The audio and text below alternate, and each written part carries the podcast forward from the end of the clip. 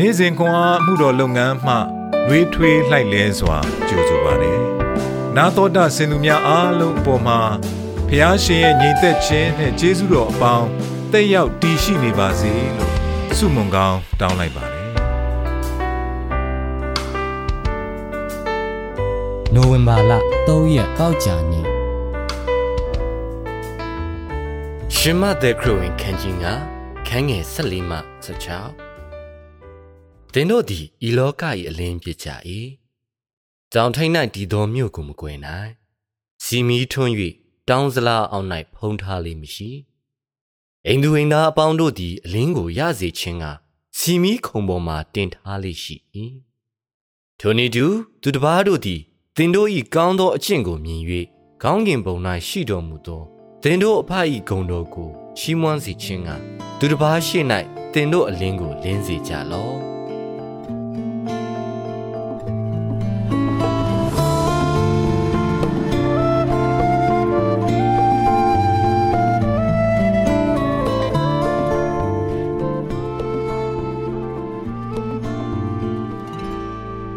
င်တို့သည်ဤလောက၏အလင်းဖြစ်ကြ၏ရှမသက်ခရစ်ဝင်ခန်းကြီး9အခန်းငယ်14သားတော်ဖျား၏အလင်းကိုထင်ဟပ်စေခြင်းကျမအမေနှင့်ပြဿနာဖြစ်ပြီးနောက်အမေသည်ကျမအိမ်မှတနာရီခန့်သွားရသည့်နေရာ၌တွေ့ဆုံရန်သဘောတူခဲ့သည်သို့သောကျမထိုနေရာသို့ရောက်သွားသောအခါကျမမရောက်မီအမေပြန်သွားသည်ကိုသိလိုက်ရသည်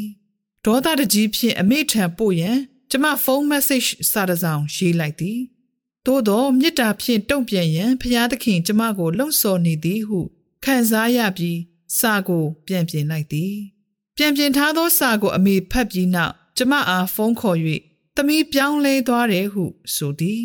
ကျမအမေသခင်ယေရှုအကြောင်းမေးမြန်းလာစေရန်နှင့်နောက်ဆုံးတွင်သခင်အားသူမ၏ကယ်တင်ရှင်အဖြစ်လက်ခံလာစေရန်ဖခင်ကကျမ၏စာကိုအသုံးပြုခဲ့သည် ရှမတဲ့ခရစ်ဝင်အခန်းကြီး9တွင်သခင်ယေရှုကသူ၏တပည့်တော်များသည်ဤလောက၏အလင်းဖြစ်ကြောင်းမိန့်မွက်လျက်ကောင်းငင်ဘုံ၌ရှိတော်မူသောတင်တို့အဖ၏ဂုဏ်တော်ကိုချီးမွမ်းစေခြင်းကသူတစ်ပါးရှိ၌တင်တို့အလင်းကိုလင်းစေကြလော့ဟုဆိုခဲ့သည်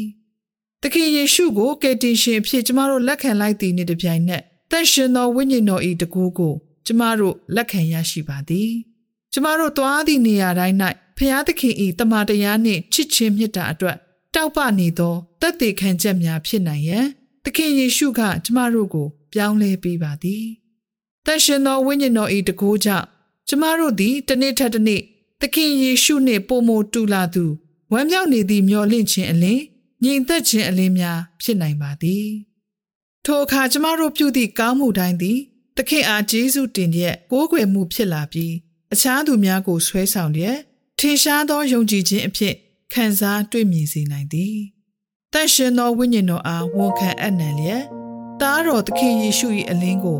ထင်ဟပ်ဖော်ပြခြင်းဖြင့်အဖဖရာ၏ဂုဏ်တော်ကိုထင်ရှားစေနိုင်ပါသည်